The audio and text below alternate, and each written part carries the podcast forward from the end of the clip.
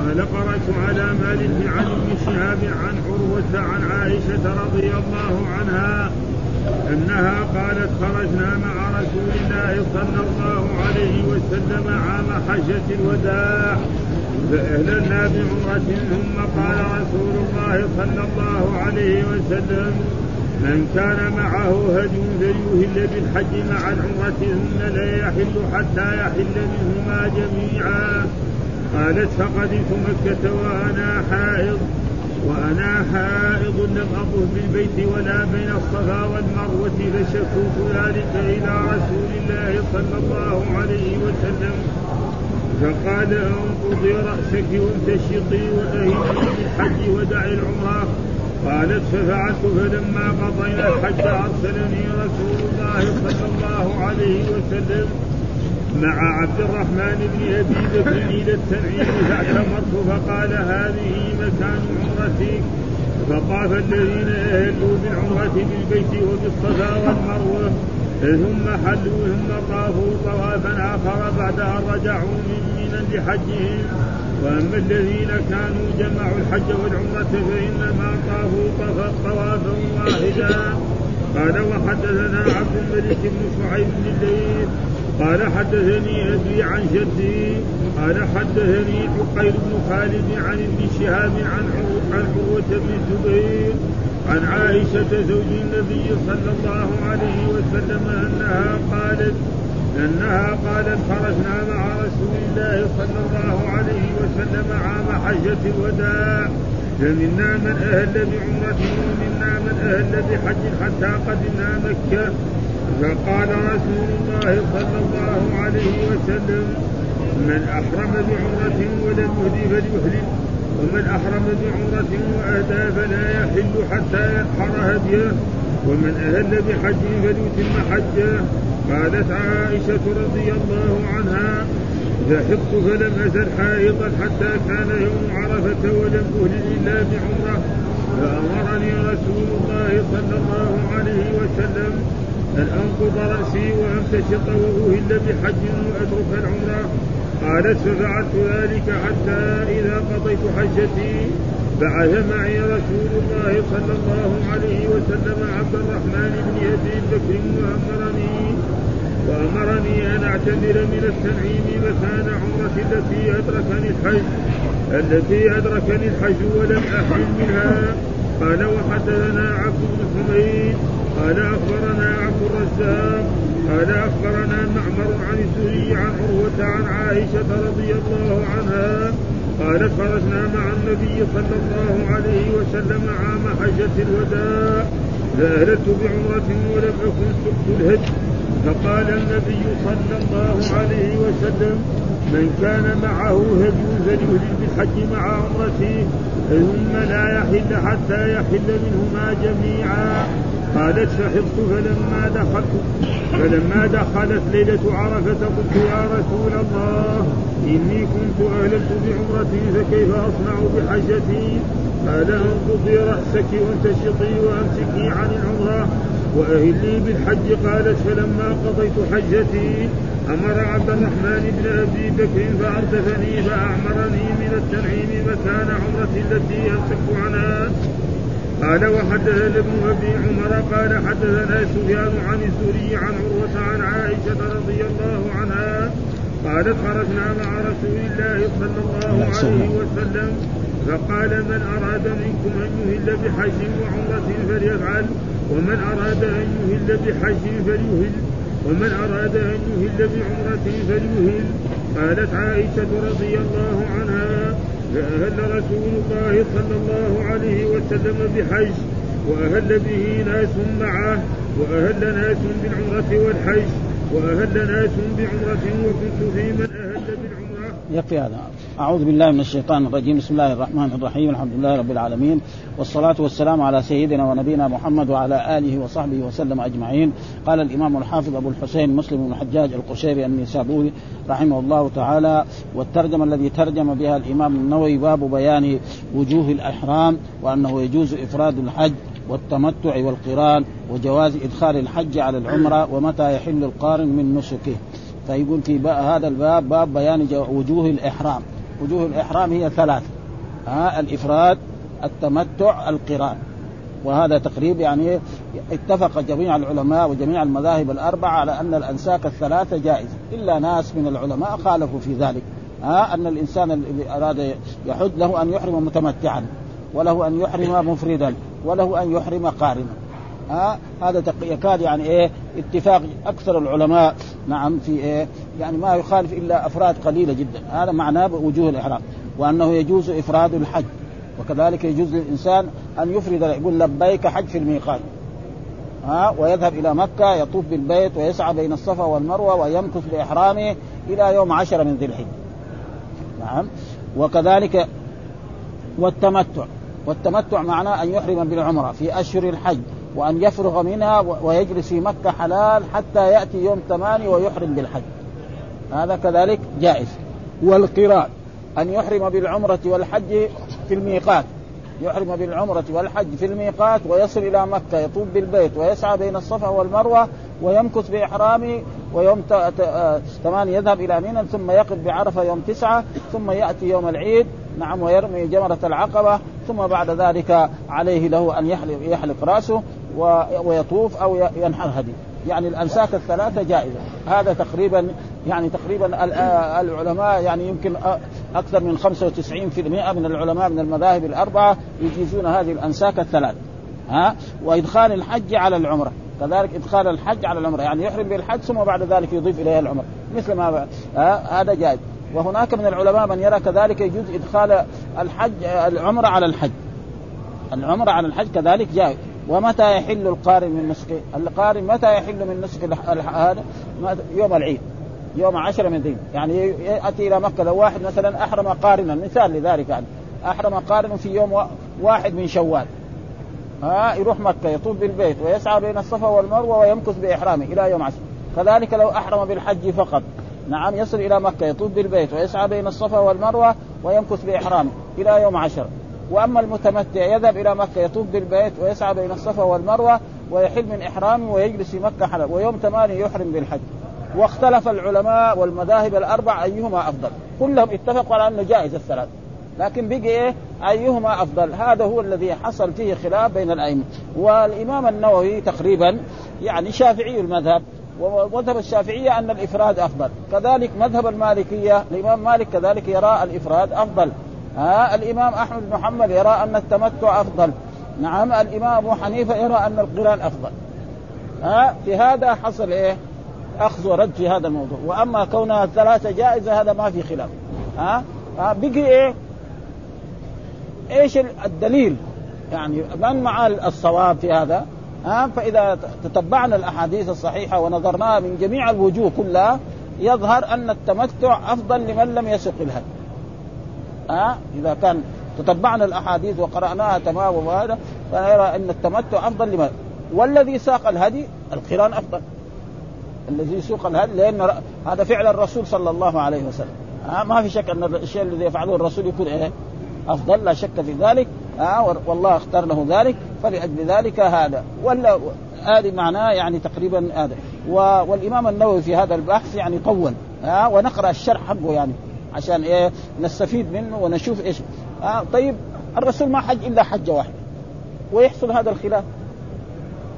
ليه؟ الرسول ما حج بعد الهجرة إلا حجة واحدة وهي حجة الوداع.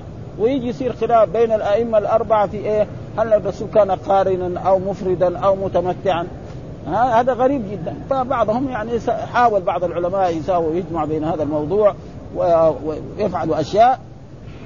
ومنها أن أن كل الأنساك ذلك مثلا يقول مثلا الرسول لأنه قال للصحابة من أراد أن يحرم بعمرة فليفعل ومن أراد أن يحرم بحج فليفعل ومن أراد أن يحرم بالقران فليفعل. طيب؟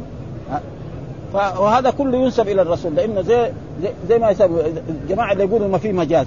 مثلا نحن نقدر نقول آه بنى الأمير نعم مسجدا. الأمير ما يبني مسجد. ما هو بنى هو ولا هو مهندس ابدا. معناه إنه جاب ناس نعم وبنى ونحن نقول بنى.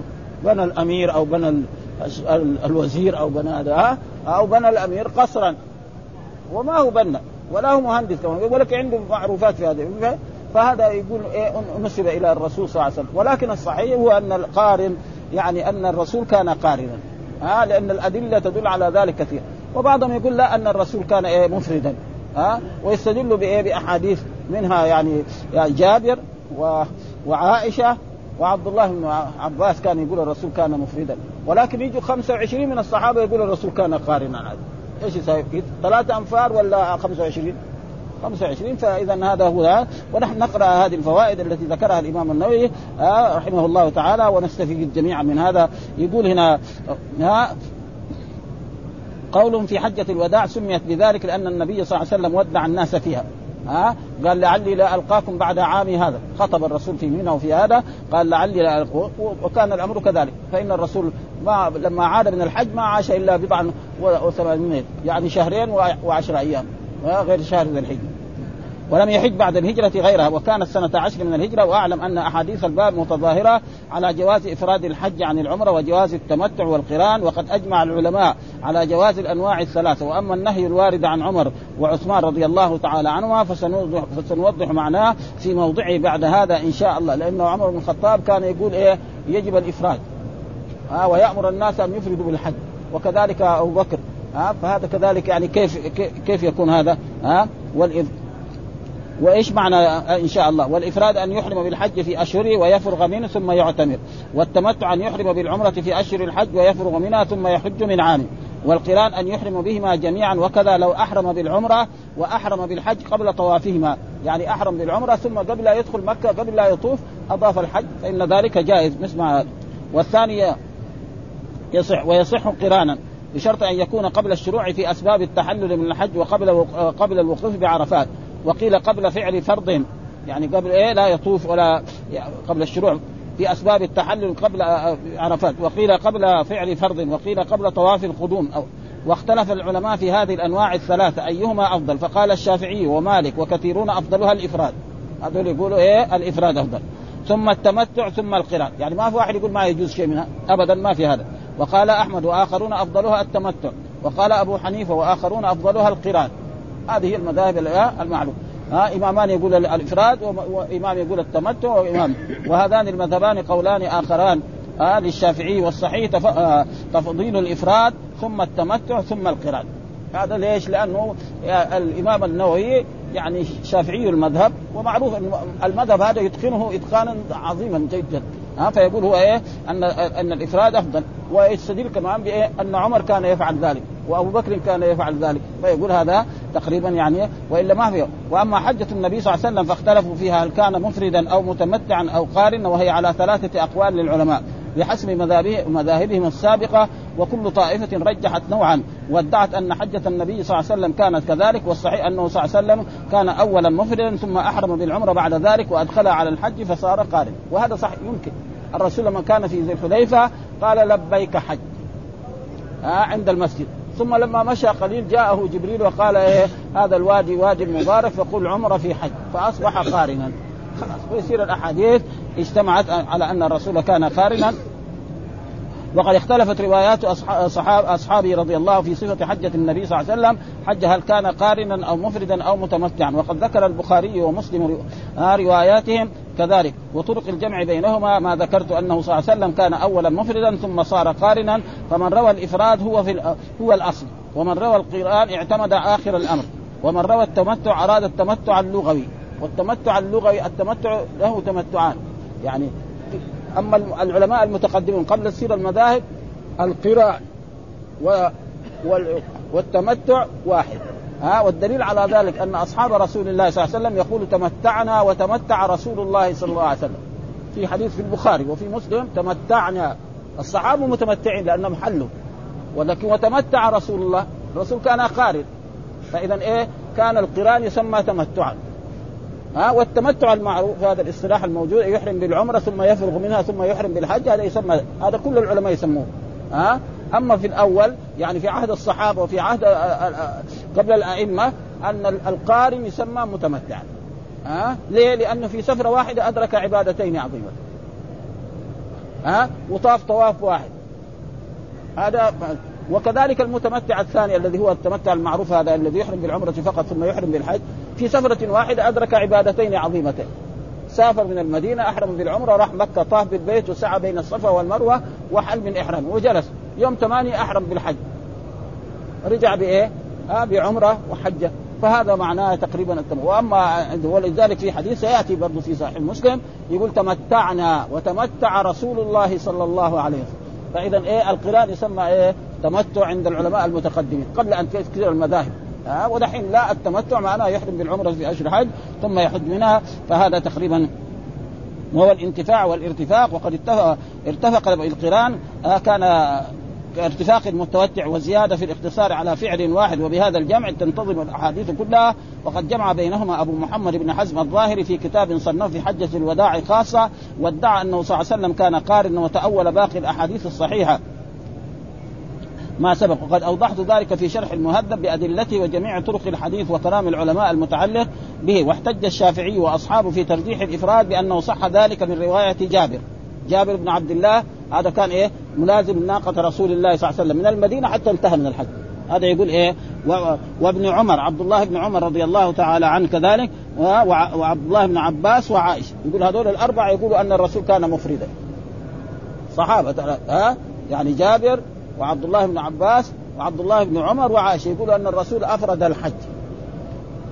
يجي نحن نطالع الأحاديث الثانية نلتقي إيه 25 من الصحابة يقول الرسول كان قارئ.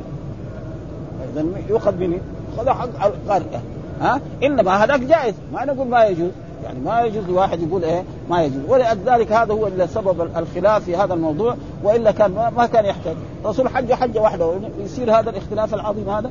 ها؟ فهذا تقريبا يعني قال فأما جابر فهو أحسن الصحابة سياقا لروايه, حجة الوداع لأنه روى حجه باب صفة حجة لازم الرسول من خروجه من المدينة حتى انتهى ووصف لنا ذلك في هذه الحجه باب حجة النبي صلى الله عليه وسلم. هنا.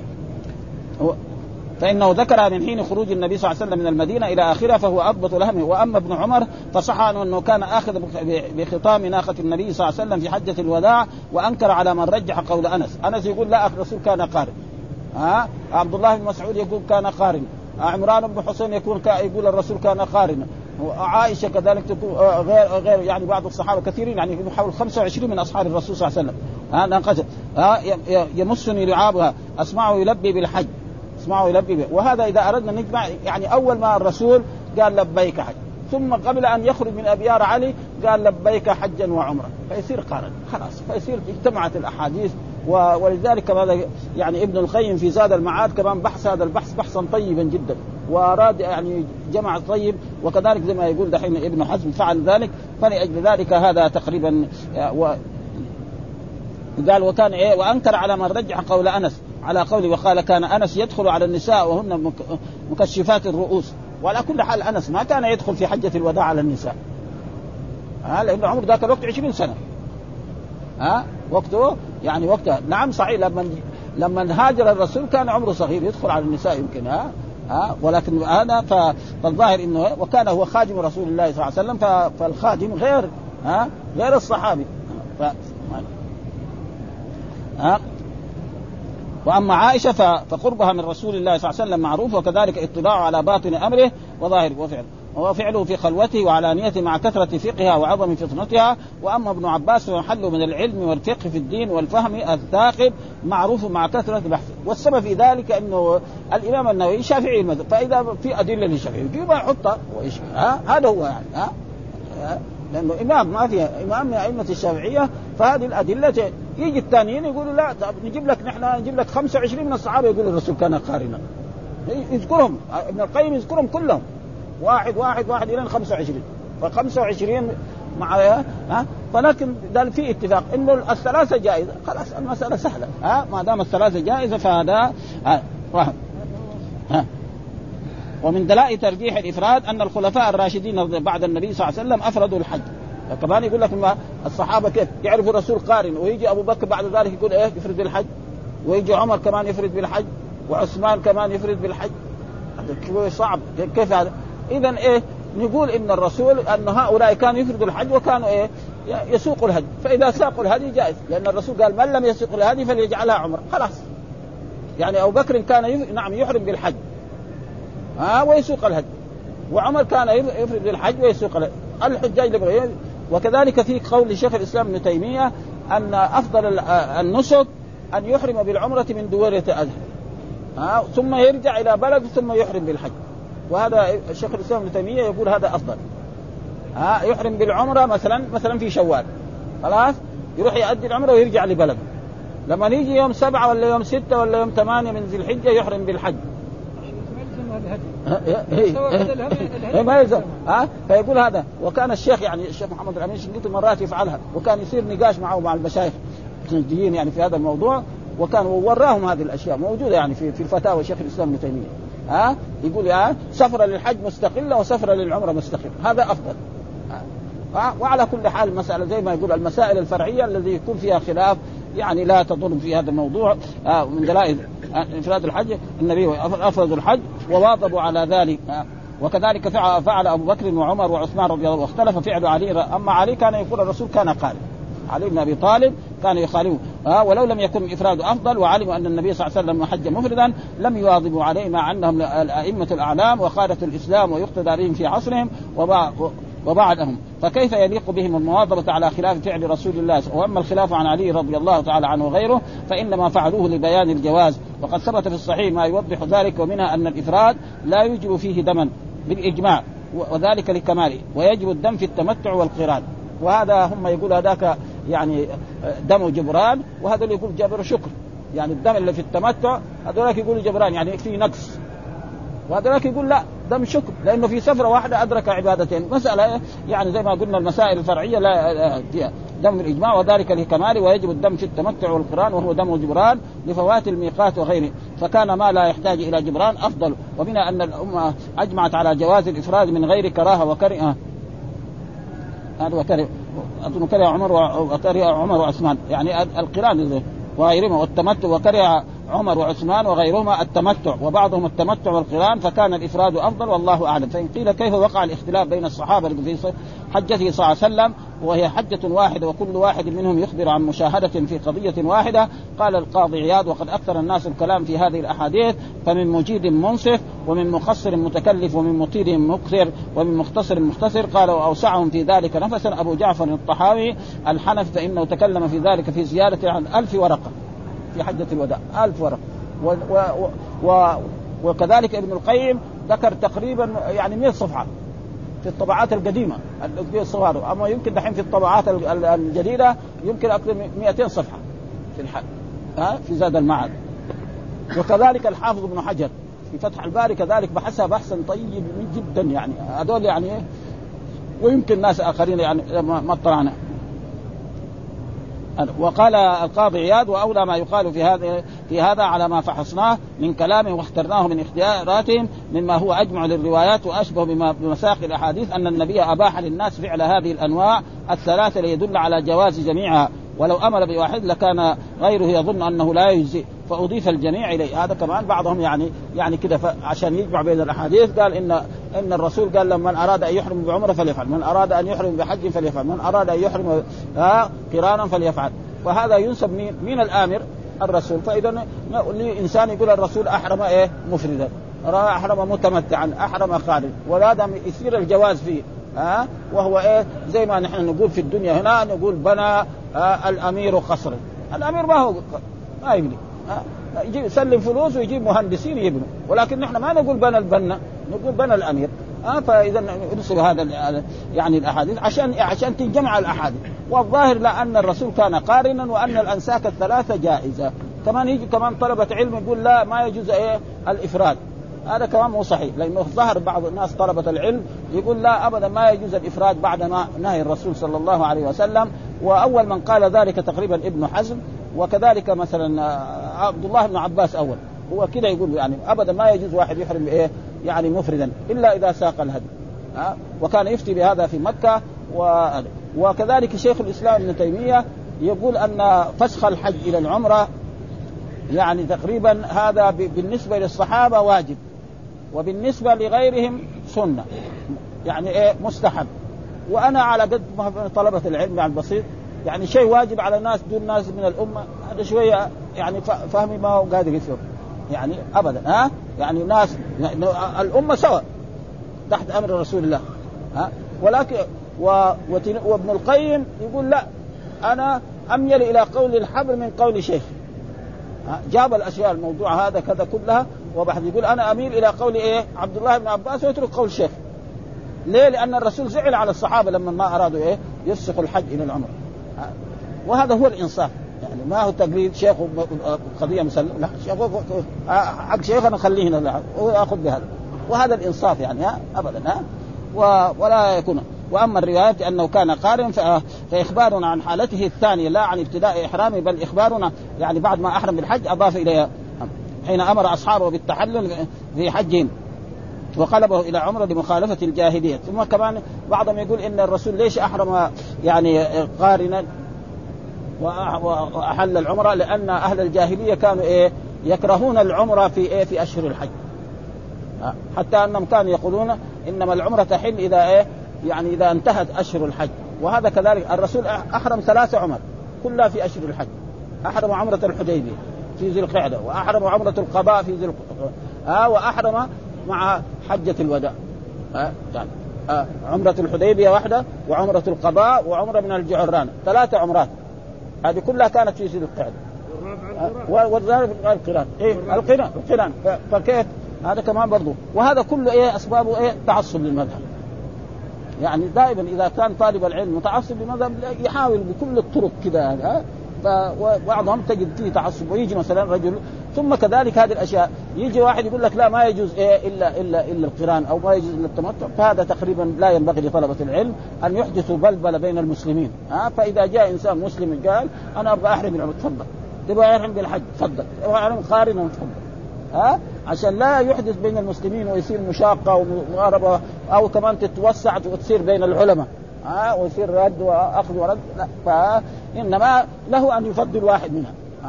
كما هو حصل في المذاهب الآن أن ناس يرون الإفراد أفضل وناس يرون القران أفضل وناس يرون ولكن الأحاديث تدل على أن آه هذا تقريبا هو آه و معنى أدخل العمرة على الحج وفعل ذلك مواساة لأصحابه وتاسيا. في فعلها في اشهر الحج لكونها كانت منكرة عندهم. وهذا شيء ما ما في اشهر الحج ولم يمكنه التحلل معهم بسبب لأن الرسول قال لولا أني سقت الهدي لجعلتها عمرة ولا حللت معكم. واعتذر لهم بذلك في ترك مواساة فصار صلى الله عليه وسلم قارنا في آخر أمره وقد اتفق جمهور العلماء على جواز إدخال الحج على العمرة وشد بعض الناس فمنعه وقال لا يدخل إحرام على إحرام يعني يحرم بس بواحد نسك. آه كما لا تدخل صلاة على صلاة. واختلفوا في إدخال العمرة على الحج فجوزه أصحاب الرأي.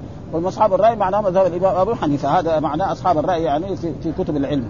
وهو قول الشافعي لهذه الأحاديث ومنعوا آخرون وجعلوا هذا خاصا بالنبي صلى الله عليه وسلم لضرورة الاعتمار حينئذ في أشهر الحج. وقال وكذلك يتأول قول من كان متمتعا أي تمتع بفعل العمرة في أشهر الحج وفعلها مع الحج. لأن لفظ التمتع يطلق على معان. ها؟ وخصوصا عند العلماء المتقدمين فانتظمت الأحاديث واتفقت. قالت ولا يبعد رد ما ورد عن الصحابه من فعل ذلك من فعل من فعل مثل ذلك إلى مثل هذه الروايات الصحيحة أنهم أحرموا بالحج مفردا فيكون الإفراد اخبارا عن فعلهم اولا. والقران وهذا شيء جميل. ها؟ يعني الإفراد لأنه جابر إيش يقول؟ ما خرجنا ما نريد إلا الحج. كذا يقول.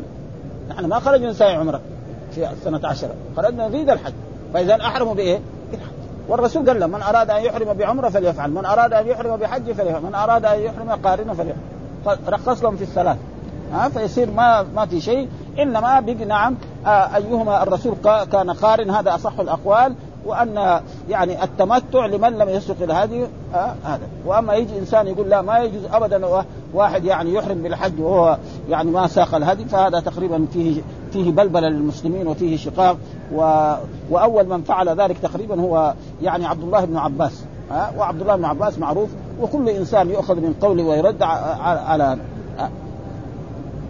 ويقول والتمتع لفسخ من الحج إلى العمرة ثم إهلال بالحج بعد التحلل منه كما فعل كل من لم يكن معه هدي. قال القاضي آه وقد قال بعض العلماء أنه أحرم صلى الله عليه وسلم إحراما مطلقا منتظرا ما يؤمر به من إفراد أو تمتع أو قران ثم أمر بالحج ثم أمر ثم أمر بالعمرة آه ثم أمر بالعمرة معه. في وادي العقيق بقوله صل في هذا الوادي المبارك وقل عمره في حج. وهذا كمان جميل.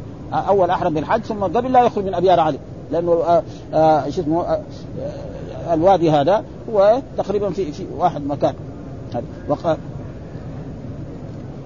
وقال أحرم النبي صلى الله عليه وسلم إحراما مطلقا لأن رواية جابر وغيره من الصحابة في الأحاديث الصحيحة آه، مصرحه بخلاف بخلاف. وقال الخطابي قد أنع أنعم الشافعي ببيان هذا في كتاب اختلاف الحديث ووجود الكلام. قال الخطاب وفي اختصاص كل ما قاله تطويل ولكن الوجبة آه ألو... آه ولكن الوجيه المختصر من جوامع ما قاله أن معلوما في لغة العرب جواز إضافة الفعل إلى إلى إلى الأمر. إلى الأمر كجواز إضافته إلى الفاعل كقوله بنى فلان دارا إذا أمر ببنائها وضرب الأمير فلانا إذا أمر بضربه ورجم النبي صلى الله عليه وسلم ماعزا. في حديث عندنا آه رجم الرسول صلى الله عليه وسلم ماعزا الرسول هو اللي رجم؟ لا ما رجم. ف و... ومسألة الجواز هذا لابد منه. ها آه إن في في مجاز ما أدري في مجاز في اللغة العربية أو ما في مجاز هذا يعني تقريبا أكثر العلماء يقولوا في مجاز. وهناك من العلماء يقول ما فيش مجاز في اللغة العربية وعلى كل حال لأنه هذا شيء يعني تقريبا برضو آه ها فاجاز أن تضاف كلها إلى رسول الله صلى الله عليه وسلم على معنى أنه أمر بها وأذن فيها ويحتمل أن بعضهم سمع يقول لبيك بحج فحكى عنه أنه افرد وخفي عليه قوله وعمرة فلم يحكي إلا ما سمع وسمع أنس وغيره الزيادة وهي لبيك بحجة وعمرة. والحافظ حجة على من له قاعدة علمية. واحد يقول الرسول أحرم بحج واحد يقول أحرم بعمرة وحج. يصير إيه؟ هذا جاب لنا زيادة وهو من ثقة. ثم فين الحديث في البخاري. خلاص. ها؟ قاعدة يعني عشان لا يصير مثلا ما نجي نقول مثلا آه أنس قال مثلا أحرم بعمرة وحج غلطان لا. ما ذاك يقول أحرم بحج. هذا يقول أحرم بعمرة وحج. ومعاه 25 من الصحابة كمان. ها؟ لا إذا أحرم بالعمرة يطوف ويسعى ويقصر. خلاص ويقصر ويقعد حلال. نهار ثمانية يحرم بالحج. ها؟ هذا إيه؟ هذا. يقول هنا برضو لأن روايه عن والقا... ثم هنا برضو عن هذا وقال القاضي رحمه الله ليس هذا رواية لأنه يحتمل انه ممن أح... آه أنها ممن حدثه ذلك قال لأن رواية عمرة والقاسم نسقت عمل عائشة في الحج في أوله إلى آخره ولهذا قال القاسم عن رواية عمرة انبأت انبأتك بالحديث على قال ولأن رواية عروة إنما أخبر عن إحرام عائشة الجمع بين الروايات ممكن فأحرمت اولا بالحج كما صح عنها وفي رواية الأكثرين كما هو الأصح من فعل النبي صلى الله عليه وسلم وأكثر أصحابه ثم أحرمت بالعمرة حين أمر النبي صلى الله عليه وسلم أصحابه بفسخ الحج إلى العمرة وهكذا فسره القاسم في حديثه فأخبر عروة عنها باعتمارها في آخر الأمر ولم يذكر أول أمرها قال وقد تعارى آه هذا بما صح عنه في اخباره عن فعل الصحابة واختلافهم في الإحرام وان أحرمت بعمرة فالحاصل أن أحرمت بحج ثم فسخته إلى عمرة حين أمر الناس بالفسخ فلما حاضت وتعذر عليها الظاهر انها ما فسخت الحج. ها ما فسخت العمرة بل أضافت على العمرة حج. هذه عائشة لأنها هي حاضت ما ما قدرت تطوف مع الصحابة. ها لأنها وصلت مكة وهي حائض والحائض ما يطوف بالبيت. ها يعمل جميع أعمال الحج إلا الطواف بالبيت فلذلك يكون هذا وهو تقريبا يكون. ثم بعد ذلك الرسول لما انتهى الحج يوم 13 أرسل مع أخاها عبد الله عبد الرحمن بن عبد الله بن عمر الخطاب عبد الله بن أبي بكر الصديق رضي الله تعالى عنه إلى التنعيم وأحرمت بالعمرة ودخلت إلى مكة طافت بالبيت وسعت بين الصفا والمروة وخرجت في ليلتها مع رسول الله ليلة 14 إلى المدينة. ها ويكون هذه الأحاديث تجمعت مع بعضها وهذا هو الصحيح إن شاء الله. فيقول هنا في في الأحاديث قال حدثنا يحيى بن يحيى التيمي قال قرأت على مالك عن ابن شهاب وهو الزهري عن عروة عن عائشة رضي الله قال إنها قالت خرجنا تريد هي وأصحاب رسول الله صلى الله عليه وسلم الرجال والنساء وأزواج الرسول مع رسول الله عام حجة الوداع. ليش مع عام حجة الوداع؟ لأن الرسول ودع الناس فيها. هذا قال لعلي لأن ألقاكم بعد عامي هذا. وبالفعل كان الرسول بعد ذلك بعد ما حج حجة الوداع ورجع إلى المدينة ما عاش إلا بضعا وثمانين ليلة. ها بقية ذي الحجة والمحرم وصفر وفي اليوم الثاني عشر من شهر ربيع الأول توفي صلوات الله وسلامه. ها؟ وكان هذا يعني الرسول عام حجة الوداع هذا ها؟ فأهللنا بعمرة. تريد إيه؟ هي ومثلها هي أهلت قالت لبيك عمرة. يعني عائشه ها؟ وفي ناس معها. ها؟ ها؟ ثم قال رسول الله من كان معه هدي فليهلل بالحج مع العمرة. أمر الرسول. من كان مع الهدي فليحج بالحج مع العمرة. ثم الهدي هذا يعني والرسول كان قارنا وأهل بعمرة وحج وكان معه هدي رسول الله صلى الله عليه وسلم تقريبا فوق الستين. وأتى بعدين علي بن أبي طالب من اليمن فصار هدي رسول الله كم؟ 100 من الإبل. مع إنه إيه شاة واحد. يعني يكفي. ها ثم لا يحل حتى يحل منهما جميعا. ف ومين اللي كان قارنا؟ يعني لما فتشنا في في أحاديث رسول الله رسول الله صلى الله عليه وسلم وأبو بكر وعمر وعثمان وطلحة والزبير. بس هذول خمسة يعني. ها؟ والباقيين كلهم أحرموا بالحج. حتى أن جابر قلنا لسنا ننوي إلا الحج. نحن ما خرجنا للحج لذلك بدال الرسول خيرنا. نقول لبيك حج. وهذول قالوا لبيك إيه؟ ها؟ لا. فليهل بالحج مع العمره لا حتى لقدمت مكة وأنا. يعني فين حاضت في سرف قبل دخول مكة بيومين أو ثلاث. هناك جاء الحيض ودخل عليه الرسول وهي تبكي. فقال لها ما قالت إنها لا تصلي. فقال لها الرسول إن هذا شيء كتبه الله على بنات آدم فلا تجزعي افعلي ما يفعله الحجاج غير أنك لا تطوفي بالبيت حتى تطوف وهذا فيه دليل على أن المرأة الحائض والمرأة النفساء تعمل جميع أعمال الحج إلا أنها لا تطوف بالكعبة. تقف بعرفة وهي حائض وتبيت بمزدلفه وهي حائض وترمي الجمار وهي حائض وكذلك تذبح. ها؟ لا كما يظن العوام أن المرأة لا تذبح. المراه تذبح ما في شيء. ها, ها؟ تذبح أي شيء. ها؟ ولا بين الصفا والمروة فشكوت ذلك إلى رسول متى؟ في يوم ثمانية. يعني يا الناس يروح إلى عرفة وهي لا تزال ما تصلي إهدى. فقال لها الرسول انقضي رأسك وامتشطي وأهلي بالحج. ها؟ يعني انقضي رأسك يعني فك إيه؟ يعني الضفائر حقتك. ها؟ وامتشي راسك وامتشطي. بس المشيط يزيل الشعر. هذا هو المشكل. كثير من العلماء أنكر ذلك مع انه الحديث في البخاري وفي مسلم. ها؟ يقول ابن القيم ما في شيء لأن الرسول رخص له. ثم مو لازم انه كل متمشطه ينزل الشعر. متى يصير الشعر يعني ينزل شيء قليل يعني. يعني المرأة إذا تمشطت لابد تخرج شعرات أما لو سوى كده برأسه ما يخرج شيء أبدا. ها؟ ف والظاهر يقول إنه ما في شيء لأنه يعني ما في يعني دليل على وامتشي واهلي بالحج. يعني تضيف على الايه على العمرة حقتها حج فتصير قاننه خلاص. ودعي العمرة يعني دعي أعمال العمرة. إيش مو يعني أرفضيها؟ هذا معنى. دعي العمره إيش معناه؟ اتركي أعمال العمره لأن هي كان إذا معتمره لازم تأتي مكة تطوف بالبيت وتسعى بين الصفا والمروة وتقص من شعرها وتجلس حلال. هذا معنى دعي العمره مو معنى أرفض العمرة. هذا معناه ودعي العمرة. ها؟ قال ففعلت فلما قضينا الحج ها؟ يعني بعد ما نزل الرسول إلى منى ورمى جمرة العقبة نعم وكذلك يعني نحر ثم حلق ثم توجه إلى مكة لطواف الإفاضة هي خرجت نزلت مع رسول الله صلى الله عليه وسلم يوم العيد والرسول طاف فقط هي طافت وسعت فقال لها الرسول طوافك بالبيت يعني اليوم وسعيك بين الصفا والمروة يكفيك لحجتك وعمرتك. كذا قال لها الرسول. لكن هي ما هي راضية. ها؟ بعد ذلك يوم 13 قالت يا رسول الناس يرجعوا بعمرة مستقلة وحج مستقلة وأنا أرجع بعمرة وحج مع بعض ما ما هي موصول والرسول يعني أراد إيه؟ قال له تعال لا تزعل ولا شيء تعال يا عبد الرحمن خذ أختك إلى التنعيم، التنعيم الآن في داخل مكة. ها؟ يعني أول التنعيم كان بعيد عن مكة، الآن الكهرباء حقت مكة خلف التنعيم. يعني ما في أظن كيلوين ولا يعني في داخل بالنسبة للحرم بالنسبة للمسجد الحرام وأما بالنسبة لمكة مكة وراها ها؟ فقد وارسلني رسول الله صلى الله عليه وسلم مع عبد الرحمن بن أبي بكر إلى التنعيم وهو يعني أقرب الحل. لأن لازم المعتمر يجمع بين إيه؟ الحل والحرم. فاعتمرت فقال هذه مكان عمرتك. ها؟ هذه العمرة مكان فيصير أدركت هي عائشة كم؟ يعني عمرة وحج مع بعض وعمرة إيه؟ مستقلة. الرسول أدرك عمرة وحج مع بعض. أصحاب رسول الله صلى الله عليه وسلم أدركوا عمرة مستقلة وحج مستقل. هذا يكون إيه؟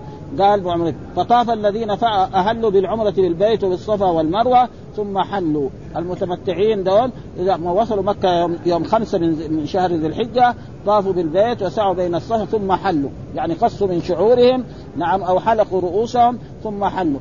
ثم طافوا طوافا آخر بعد ان رجع يعني طواف إيه؟ الطواف الأول والسعي الأول للعمرة انتهت. والطواف يوم العيد والسعي يوم العيد لإيه؟ للحج. ها وفي حديث في البخاري أن الرسول وأصحابه لم يسعوا إلا سعيا واحدا. كذا نص بهذا النص. لم يسعوا إلا سعي مين المراد به؟ يقول القارنين والمفردين. ها القارنين والم... أما المتمتع يطوف طواف وهناك قاعدة علمية. عائشة تقول أن المتمتعين طافوا طوافين. بعض الصحابة يقول وبعض يقول لا طافوا طوافا واحد الحافظ حجة على من يحفظ فإذا المتمتع يطوف إيه؟ طوافين. أول طواف وسعي للعمرة انتهت قبل الحج. يوم العيد يطوف ويسعى للحج. هذا هو الأحسن ها؟ ها؟ قاعدة قاعدة علمية. أي أي. بعد ما ينزل من عرفة. فيصير إيه؟ ها؟ وأما الذين كانوا جمعوا الحج والعمرة فإنما طافوا طوافا واحدا. المراد طواف مو طواف بالبيت طواف بإيه؟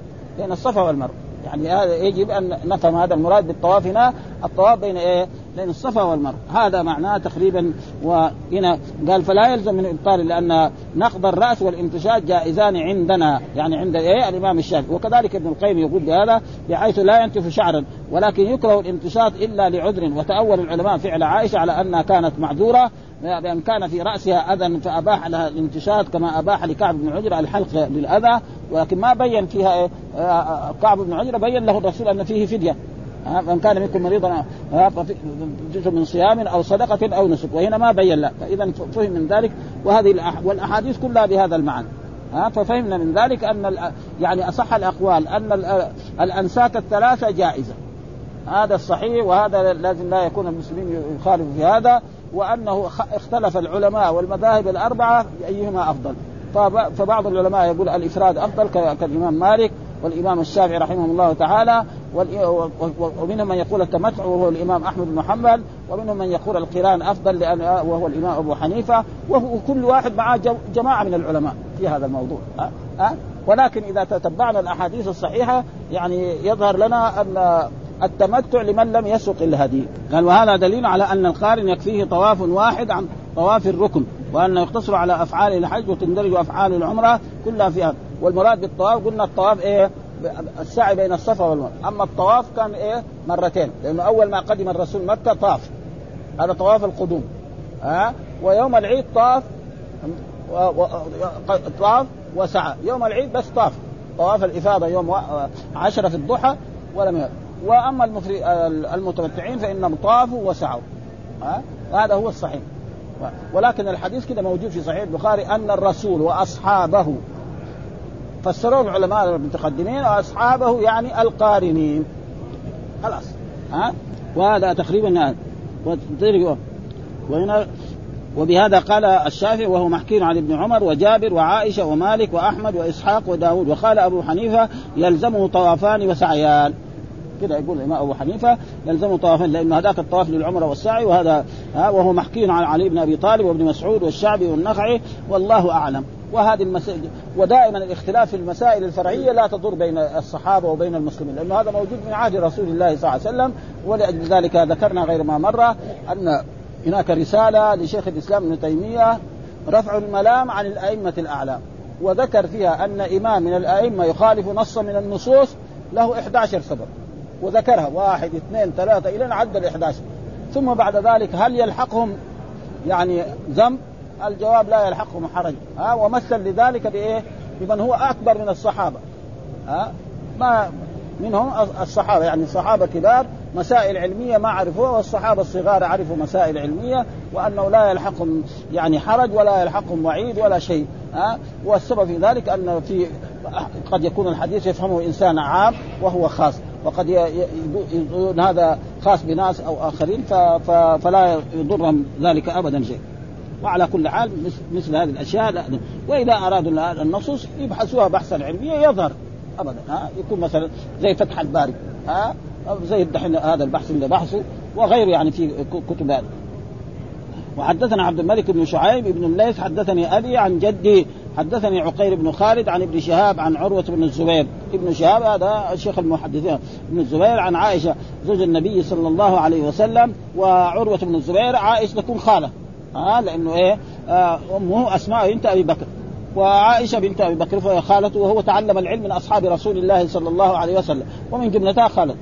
ها آه لأنه هو صغير كان ما تعلم فعلمه تأخذه من أصحاب رسول الله صلى الله عليه وسلم ومن جملة الصحابة خالته عائشة فإنه سألها عن مسائل كثيرة. نعم انها قالت خرجنا مع رسول الله عام حجة الوداع فمنا من أهل بعمرة. بأمر مين؟ بأمر الرسول صلى الله عليه وسلم. ومنا من أهل بحج. حتى قدمنا مكة. فقال رسول الله صلى الله عليه وسلم من أحرم بعمرة ولم يهدي فليحلل. ولم يهدي فليحلل. ها وهذا الأمر إيه؟ أمر بالنسبة للصحابة يقول إيه؟ يعني الشيخ الإسلام إنه واجب. وهنا فليحلل. حتى في بعض الروايات أنه ليس كل أمر للوجوب أن الرسول قال لهم في هذا فليحلل. نعم ويصيب النساء. كده بهذه العبارة. فليحلل ويصيب النساء. فالإحلال واجب. وإصابة النساء مو لازم يعني واحد إذا اعتمر وانتهى من العمره مو واجب عليه يجامع زوجته ها؟ فلذلك ليس كل أمر الوجوب وأي طالب علم يقول أن كل أمر الوجوب هو ما فهم النصوص. ابدا. ها؟ لأنه كده نفس الحديث. يقول فليحلل و... فحلوا وأصيبوا النساء. حلوا وأصيبوا النساء. حلوا هذا واجب. أصيبوا النساء ما يبغى يجامع زوجته كيف؟ ما نحن ها؟ ها؟ لأن اصيبوا فعل أمر ولذلك ليس كل أمر للوجوب. أمر قد يكون للوجوب قد يكون للند قد يكون للاستحباب. كثير موجود يعني في في النصوص. ها؟ صلوا قبل المغرب صلوا قبل المغرب ثم قال لمن شاء. هذا ها وكذلك مثلا قد يكون إيه؟ يعني يعني إذا قضي الصلاة فانتشروا في الأرض. فانتشروا. إذا حللتم فاصطادوا. ما هو ما هو واجب اذا إذا غلقنا الإحرام نروح ناخذ بندقية نروح نجري ورا الطيور. ما هو لازم هذا ها؟ فليس الحديث ما ما ما يساعد ابدا فقدم ومن أحرم بعمرة وأهدى فلا يحلل. يعني يصير إيه؟ كأن العمرة صارت إيه؟ قارن يعني يضيف إليها فلا حتى ينحر هديه ومن أهل بحج فليتم حجه. يعني يقعد بإحرام. ها؟ قالت عائشة رضي الله فحدت فلم أزل حائضا حتى كان يوم عرفة. يعني يوم ثمانية ها؟ ولم أهلل إلا بعمرة فأمرني رسول الله أن أنقض رأسي وأنتشط وأهل بحج وأترك العمرة. يعني أترك أعمال العمرة مو معنى أرفض العمرة. هذا معناه أترك العمرة. قال ففعلت ذلك حتى إذا قضيت حجتي بعث معي رسول الله صلى الله عليه وسلم عبد الرحمن ابن أبي بكر وأمرني أن أعتمر من التنعيم مكان عمرتي التي أدركني الحج ولم أحلل منها. ها فصار عائشة أدركت يعني عمره وحج مع بعض وعمره مستقل، الرسول أدرك عمره وحج مع بعض، أصحاب رسول الله صلى الله عليه وسلم الذي كان يقدر أكثر من يعني في أكثر من 95% أدركوا عمره مستقله وحج مستقله. وسيأتي بعض أحاديث في هذا. وحدثنا عبد بن حميد أخبرنا عبد الرزاق أخبرنا معمر عن الزهري كلها عن عن عروة عن عائشة قال خرجنا مع النبي صلى الله عليه وسلم حجة الوداع فأهللت بعمرة ولم أكن سقت الهدي. بين كنا الذي ساق الهدي من رسول الله صلى الله عليه وسلم.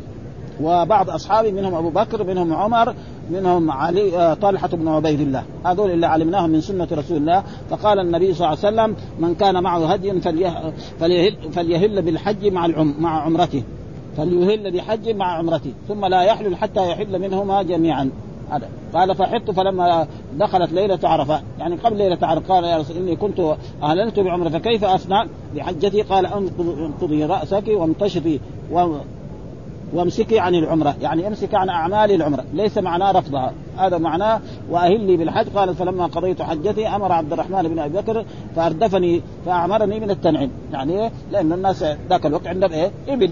والرجل يعني يردف زوجته ويردف أخته وهذه أخت أخته فما كان عمرتي التي أمسكت عنها. والأحاديث كلها بهذا في دلالة ظاهرة على أنها لم تخرج منها وإنما أمسكت عن أعمالها وأحرمت بالحج فأدرجت أعمالها بالحج كما سبق بيانه. وهو مؤيد للتأويل الذي قدمناه في قوله صلى الله عليه وسلم وارفضي عمرتك ودعي عمرتك. أن المراد بالرفض هو إتمام أعمالك. يعني لأنها حائط وما يمكن تطوف بالبيت. والطواف بالبيت هذا ركن من أركان الحج. لا بد منه ولازم كمان فيه الطهارة. ها يعني تسعى بدون طهارة يمكن. ها إذا انتقض وضوء الإنسان بعد ما طاف بالبيت له أن يسعى بدون طهارة. لكن الطواف لابد يكون إيه؟ رافع عن الحدث الأصغر والأكبر ضروري من هذا.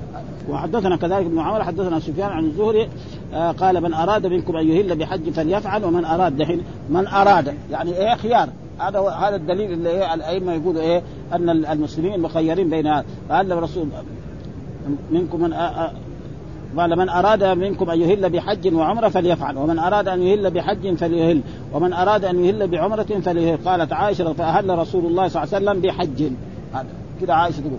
ومع كذلك جابر ومعها عائشة ومعها عبد الله بن عباس. ولكن يجوا صحابة قريب 25 يقولوا أن الرسول كان قارنا أو أنه أهل بحج وبعدين أضاف العمرة. خلاص صار انتهى. ها؟ وأهل ناس بعمرة والحج. وأهل ناس وكنت في من أهل بعمرة.